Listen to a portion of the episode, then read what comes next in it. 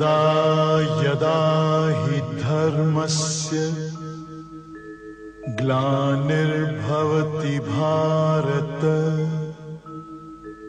अभ्युत्थानम् अधर्मस्य तदात्मानं सृजाम्यहम् परित्राणाय साधूनाम् विनाशाय च दुष्कृता धर्मसंस्थापनार्थाय संभवामी युगे युगे।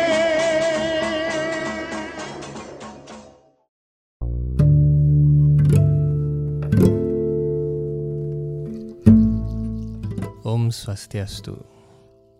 Sobat Hindu Time, setelah sekian lama kita akan melanjutkan lagi podcast eh, kita dalam episode ke-28. Dan eh, seperti biasa di studio telah hadir Sri Sriman Ida Waisnawa Pandita Damodar Pandit Das atau Srila Guru Pandita yang akan menjawab pertanyaan-pertanyaan dari netizen. Ada beberapa pertanyaan menarik yang akan kita bahas hari ini. Om Swastiastu Srila Guru Pandita. Om Swastiastu. Terima kasih telah hadir kembali di studio Hindu Times 108. Uh, ada topik menarik hari ini Guru Pandita, yaitu tentang Kitab Suci Weda. Uh, rupanya pertanyaan ini datang dari saudara kita umat Islam. Jadi pertanyaannya adalah, jadi uh, yang mengajukan pertanyaan ini lewat channel YouTube uh, Hindu Times, yaitu dari JY Ova Channel. Jadi beliau bertanya, "Em, seberapa hebatkah umat Hindu dalam menjaga keaslian kitab sucinya? Apakah bisa dipastikan 100% bahwa umat Hindu masih berkitab suci seasli sebagaimana diturunkan ribuan tahun yang lalu?" Ya, masih seperti mana sebagaimana ribuan tahun yang lalu. Karena bagaimana sesungguhnya diturunkan demikian. Karena itu sampai tu- Tuhan menurunkan utusan beliau yaitu seorang Sakti Wisawatar yaitu Srila Vyasadeva Maharsi Vyasadeva kan begitu itu khusus memang untuk turun ke bumi untuk hmm, apa namanya itu menetapkan ajaran Weda itu sendiri. Karena itu beliau mengikuti aturan yang disebut dengan garis parampara, garis perguruan dalam sampradaya istilahnya. Sampradaya itu garis perguruan, garis perguruan yang turun turun temurun. Itu disebut dengan parampara, nurun begitu. Dan Tuhan sendiri yang mengajarkan pengetahuan ini pada awalnya kepada Dewa Brahma kemudian Dewa Brahma mengajarkan pada Dewa Sinarada dan Dewa Sinarada mengajarkan pada Sila Dewa Dewa Dewa menurunkan pada muridnya Madhvacarya dan seterusnya dan seterusnya sampai saat sekarang. Garis perguruan turun temurun. Itu dibuktikan dalam kitab suci Bhagavad Gita di mana Tuhan Sri Krishna menyampaikan bab 4 ayat 2 Evam parampara praptam evam rajar saya vidhu. Sakaleneha mahata yogo nasta parantapa. Ilmu pengetahuan yang paling utama ini. Ya, jadi Weda itulah ilmu pengetahuan yang paling utama. Jadi ilmu pengetahuan rohani ajaran ketuhanan yang paling utama. Diterima dengan cara sedemikian rupa melalui rangkaian garis perguruan guru-guru kerohanian. Nah, itu sudah jelas kan? Diterima melalui rangkaian garis perguruan guru-guru kerohanian. Turun temurun. Nah, karena itu di dalam Hindu itu ada disebut dengan asram atau pasraman. Pasraman itu adalah khusus untuk menjaga kemurnian makna daripada ajaran Weda itu sendiri. Ya, dengan isinya dan maknanya juga dijaga kemurniannya karena ajaran Weda itu adalah hal yang sangat penting sekali. Jadi kalau ajaran Weda itu disimpangkan itu sama dengan meracuni seseorang dan menjauhkan orang juga dengan hubungan dengan Tuhan. Kalau pengetahuan Weda itu sampai disimpangkan itu salah.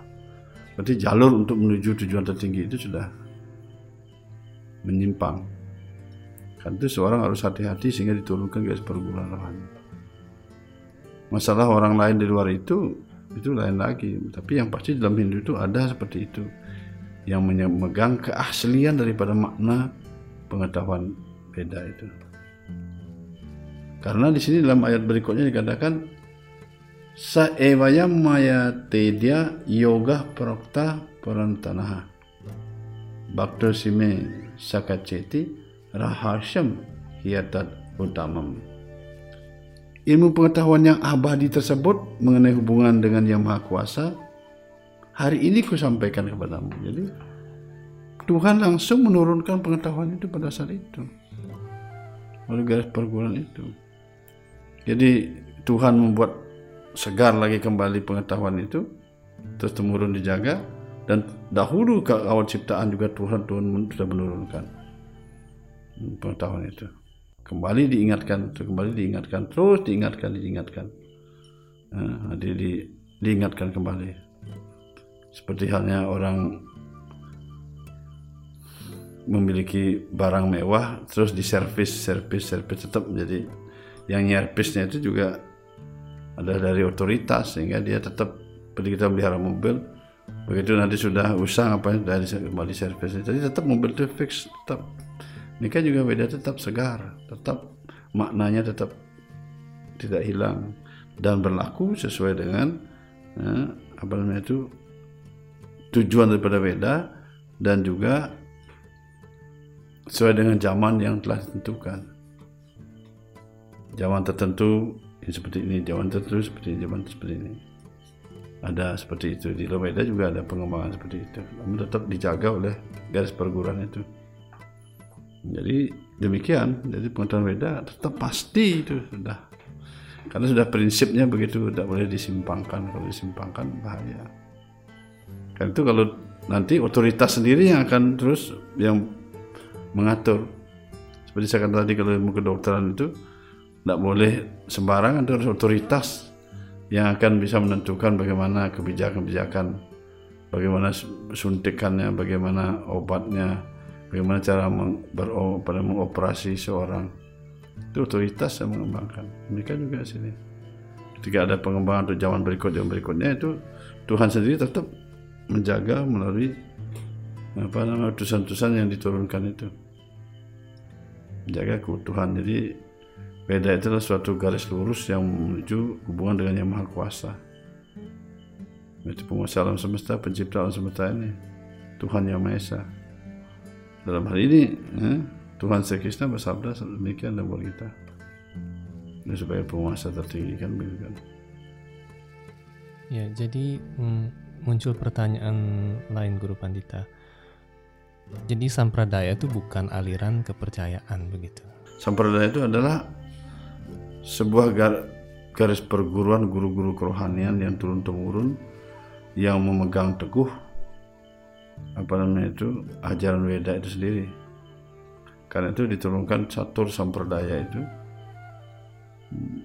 untuk memegang teguh ajaran ketuhanan itu dalam level-level yang telah ditentukan. Ada empat catur samperdaya itu ada catur samperdaya atau empat samperdaya Demikian.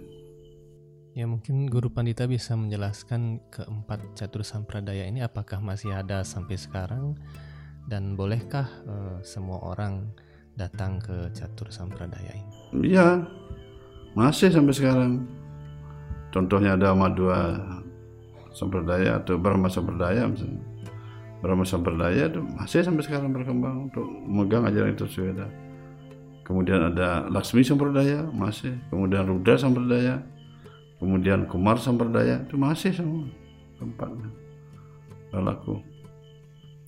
Yang sekarang apalagi seperti Brahma Sampradaya itu sudah di mana-mana seluruh dunia sudah disebarkan ajaran itu yang memegang seperti itu. Kalau ada masalah yang salah apa umum yang salah ya lain lagi. Itu bukan bukan otoritas. Gitu. Em, kemudian guru pandita, em, kak berarti kalau orang-orang ingin belajar eh, tentang kitab suci Weda dan melihat apa mempelajari kitab suci Weda itu sesuai dengan maksud aslinya, maka dia harus belajar melalui garis-garis perguruan ini. Hmm, ya, ya. Karena itu mereka belajar di asram-asram yang mana teorinya dan belajar penerapannya juga. Begitu. Demikian kalau untuk mempelajari pengetahuan dengan menjurus khusus untuk mencapai tujuan tertinggi. Nah kalau di universitas kan beda lagi itu. Di sana adalah sistem apa namanya akademis istilahnya. Di sana, di sana sifatnya itu untuk mengetahui istilahnya suatu kitab suci itu bukan untuk mendalami seperti yang penerapannya di asam itu beda. Jadi sistemnya berbeda. Jadi semua apa ada fungsi berbeda nanti. Kalau mau cari gelar ya di universitas itu pun gelar yang sifatnya bukan untuk tujuan bangsa, itu akademis istilahnya. Karena itu biasanya kalau dari universitas pun kadang-kadang ada siswa yang menekuni ajaran misalnya ke untuk penerapannya ke asram juga diizinkan ada masalah. Kemudian dari asram juga mengirim juga ke ke universitas di sana seperti di universitas agama maksudnya untuk belajar di sana untuk bergelar juga ada masalah. Karena itu ada fungsi yang berbeda nanti. Begitu. Ya, eh, berarti eh, haruskah eh, setiap orang itu, maksudnya setiap orang Hindu, apakah harus mendapatkan pengetahuan beda melalui garis perguruan ini? Dalam Hindu itu tidak ada kata harus. Hindu itu adalah ada penyerahan diri ya, dan keikhlasan hati, ketulusan hati, keikhlasan hati, dan dilihat juga sesuai dengan tingkatannya. Hindu itu kan istilahnya institusi lembaga keagamaan yang sifatnya global untuk mewadahi umat begitu. Nah, dalam Hindu itu ada tadi itu segala sesuatunya di dalam. Bagi mereka yang memang ingin tulus untuk penyerahan diri mencapai tujuan tertinggi melalui asal juga silahkan tidak ada masalah. Tapi kalau dibilang kata harus itu di Hindu tidak ada kata harus. Bahkan ada kan contoh begini. Di dalam Weda kan jelaskan orang makan sapi, bisa daging sapi itu kan dianggap berdosa kan. Bahkan satu bulu sapi seribu tahun di neraka kan gitu. Itu diandaikan begitu lah kita suci Weda bahwa sa- satu bulu sapi seribu tahun di neraka. Tapi di Weda ada jelaskan setiap umat Hindu harus wajib dia tidak boleh makan daging sapi itu bisa begitu. Tidak ada begitu. Cuman bagi mereka yang ingin sekarang mencapai tujuan tertinggi ini, sebaiknya atau hendaknya meninggalkan makan daging sapi kan begitu. Karena berisiko seperti itu. Jadi tidak ada main paksa lah di Hindu. Setiap orang itu harus dihargai kemampuan dia, latar belakangnya bagaimana dia. Jadi Weda itu mengajarkan sedemikian rupa. Walaupun Weda sudah menentukan seperti itu, tetap ada pengajaran-pengajaran yang yang lain lagi yang sifatnya diberikan kepada mereka-mereka yang dalam tingkat seperti itu. Seperti contohkan begini. Pemerintah menyediakan beras, berbagai kualitas beras. Nah, kalau pemerintah mewajibkan sekarang satu kilogram beras harus harganya misalnya 100 ribu misalnya begitu. Terus kalau ada orang yang tidak punya uang sebanyak itu, mereka bisa kelaparan karena itu diberikan juga beras yang harga 25 ribu misalnya. Atau 10 ribu misalnya begitu. Sehingga setiap orang bisa makan namun kualitas yang berbeda. Tentu tidak boleh karena makanan kualitas seperti itu kemudian yang tinggi menyalahkan dia atau sebaliknya yang ini merasa minder. Tidak begitu. Semua berjalan seiring bersama-sama. Seperti halnya alam ini menyediakan kita berbagai bervariasi tentang makanan segala macam tetap saling menghargai jadi tidak ada kata harus dalam Hindu Kemudian ada pertanyaan yang terkait dengan uh, kitab suci Weda juga Guru Pandita. Ini datang dari Gede Bagus, salah satu subscriber kita. Uh, apakah kisah-kisah dalam kitab-kitab Purana itu benar-benar terjadi? ya itu benar itu sejarahnya dari awal penciptaan semua itu benar terjadi cuman kalau sudah paham bahwa Purana itu mengajarkan dari berbagai milenium karena jelaskan ada sat- satu hari satu hari Dewa Brahma saja nah itu sudah ada 14 manu. Bayangkan dari 14 manu itu semua punya tingkat-tingkatan yang dari satu dari satu hari saja satu hari Dewa Brahma 14 manu ceritakan. Kadang-kadang orang menjadi bingung dipikir hanya dalam satu zaman saja itu diceritakan semua zaman-zaman berbeda. Hmm, jadi bahkan di, di di hari Brahma yang berbeda juga. Ada juga ceritakan di manu yang berbeda juga kan? Begitu. Kan itu minimal dalam satu manu yang dalam satu apa satu hari Brahma ada 14 manu Purana menceritakan di sana. Itu apa yang dijelaskan itu benar-benar itu akurat jadi tidak ada dalam Weda itu. Kalau memang di Weda dijelaskan orang bercerita tentang cerita ya cerita tentang kebenaran ya kebenaran. Misalnya contoh seperti ini. Dewa Rada dalam Bhagavata Purana bercerita kepada Maharaja Barisat. Menceritakan tentang kegiatan badan ini untuk menikmati indria-indrianya. Diandaikan seorang raja bernama Puranjana. Nah, itu itu pengandian seperti itu. Kalau itu cerita Dewa Rada untuk memberikan cerita kepada Maharaja Barisat agar Maharaja Barisat menyadari tentang pengetahuan Weda yang harus tempuh sesuai dengan kemampuan dia yang lebih tinggi. Begitu. Dari tingkat perbuatan karma dengan perbuatan salehnya sampai menuju yang penyerahan diri. Nah itu peristiwa itu benar. Itu pencerita tentang Dewa Narada dengan Raja Barisat itu benar. Apa yang diandaikan itu juga adalah suatu fakta kenyataan yang terjadi menceritakan tentang bagaimana indria-indrianya terikat dengan kenikmatan alam ini. Dia benar Purana itu semua. Tidak ada yang salah. Ada cerita tentang burung Garuda dan segala macam. Semua itu ada di alam-alam yang lain tempat lain tempatnya juga bahkan mencerita di planet-planet yang lain. Semua benar. Cuma kalau orang yang tidak memiliki keyakinan, tidak memiliki iman, tidak memiliki apa namanya kemampuan untuk hal itu, apa pun diberikan tetap seperti itu. Ya kan? Contoh sekarang misalnya, oh agama saya benar, ini fakta semua. Kalau orang tidak bilang tidak benar, percaya kan bisa aja. Nah itu dalam beda pun pura-pura itu ada faktanya, ada sejarahnya. Kadang-kadang dia mengandaikan dari dirinya sendiri. Contoh begini, misalnya Mahabharata itu sampai sekarang masih ada semua tempat-tempat peristiwa semua terjadi dan berbagai bukti-bukti sudah masih dijaga oleh pemerintah di sana di di India kan dengan kegiatan oleh boleh apa nama orang suci dan pas asam-asram itu mereka menjaga semua tempat-tempat yang terjadi seperti itu. Contoh saya sendiri begini. Saya membaca kitab suci bahwa sapi adalah dipeluk dan dia manja sekali dengan dengan uh, si Krishna atau dengan teman-teman beliau. Kemudian dikasih kalungan bunga dia bercanda dengan manja kadang-kadang uh, tidur di pangkuan atau sapi ada pun sapi tidur di pangkuan uh, orang-orang kan itu ya. Saya waktu membaca itu pikir ah mungkin lah sapi tidur. Bagaimana dikasih kalungan bunga juga bagaimana lah dia karena saya berpikir memandang adalah terjadi peristiwa itu di sini tempat saya sendiri. Sementara setelah saya pergi ke India, benar apa yang dikatakan begitu. Sapi itu sering kali datang kepada kita dengan manjanya, minta makan. Kadang-kadang kita duduk, dia bersandar sama kita. Tiduran, kemudian kasih bunga, kalau bunga dia senang.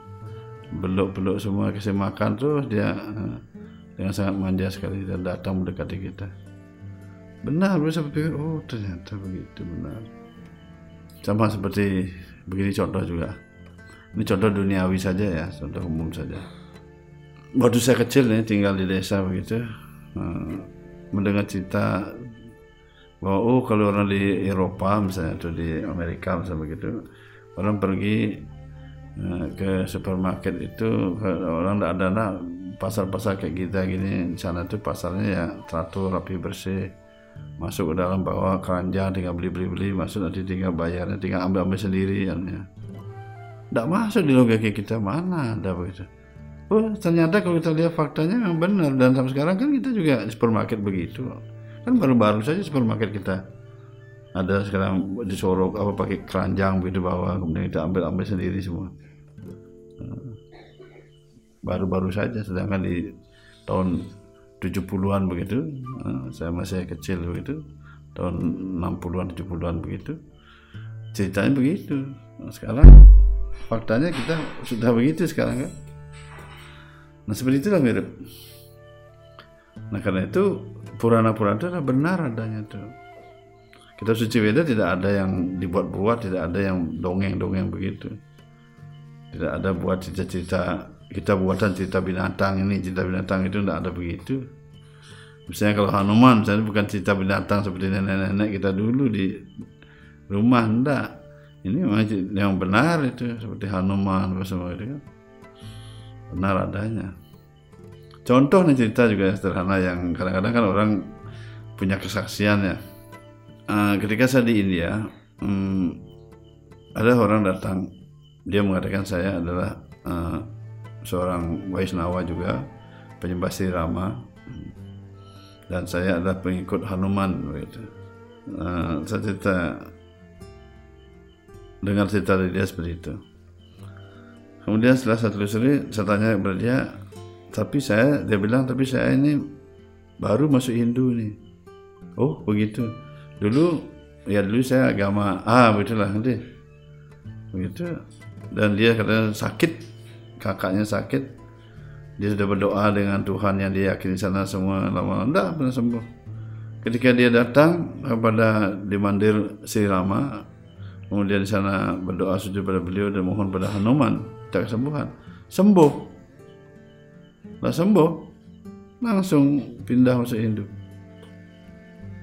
Nah, saya di sana di India di asram itu sampai tiap hari datang dia ke tempat kita dia senang sekali dia berkomunikasi dengan saya pindah ke Hindu ceritanya begitu jadi semua anu juga ada begitu Eh, kebenaran Tuhannya ada sesuai dengan tingkatan dan karmanya bagaimana dia akan mengikuti ajaran itu kan.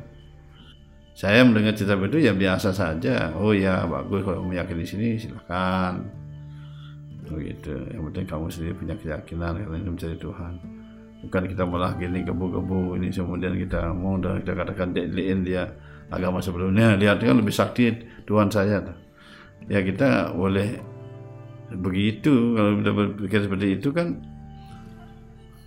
ya Tuhan kan lain pemikiran sama kita itu kan emosi kita apa namanya itu hasrat kita yang berbicara. Tapi Tuhannya benar begitu. Tuhan itu kan satu. Itu masalah dia itu kan masalah keyakinan dia yang dia yakini bahwa Hanuman itu juga ada artinya dia, di agama dia juga sudah ada tapi keyakinan ke sini. Nah itu aja sebenarnya. Kita pun tidak boleh menyalahkan orang lain. Kemudian kita promosi besar-besaran oh yuk sinilah. Ini buktinya ini. Pindahlah kamu agama ini kamu kamu kamu salah palsu. Ini yang benar. Ya itu apakah Tuhan berkenan dengan cara kita seperti itu?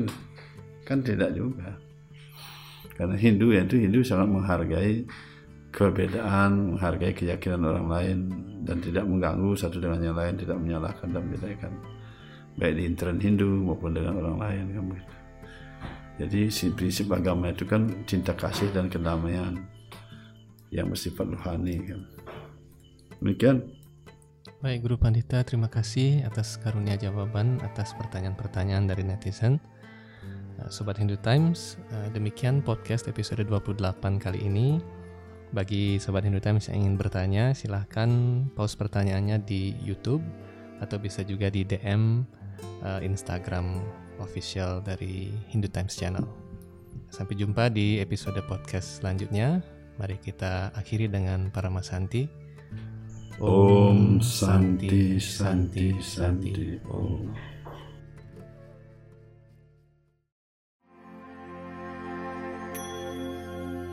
Gauranga বলিতে হবে পুলক শরীর।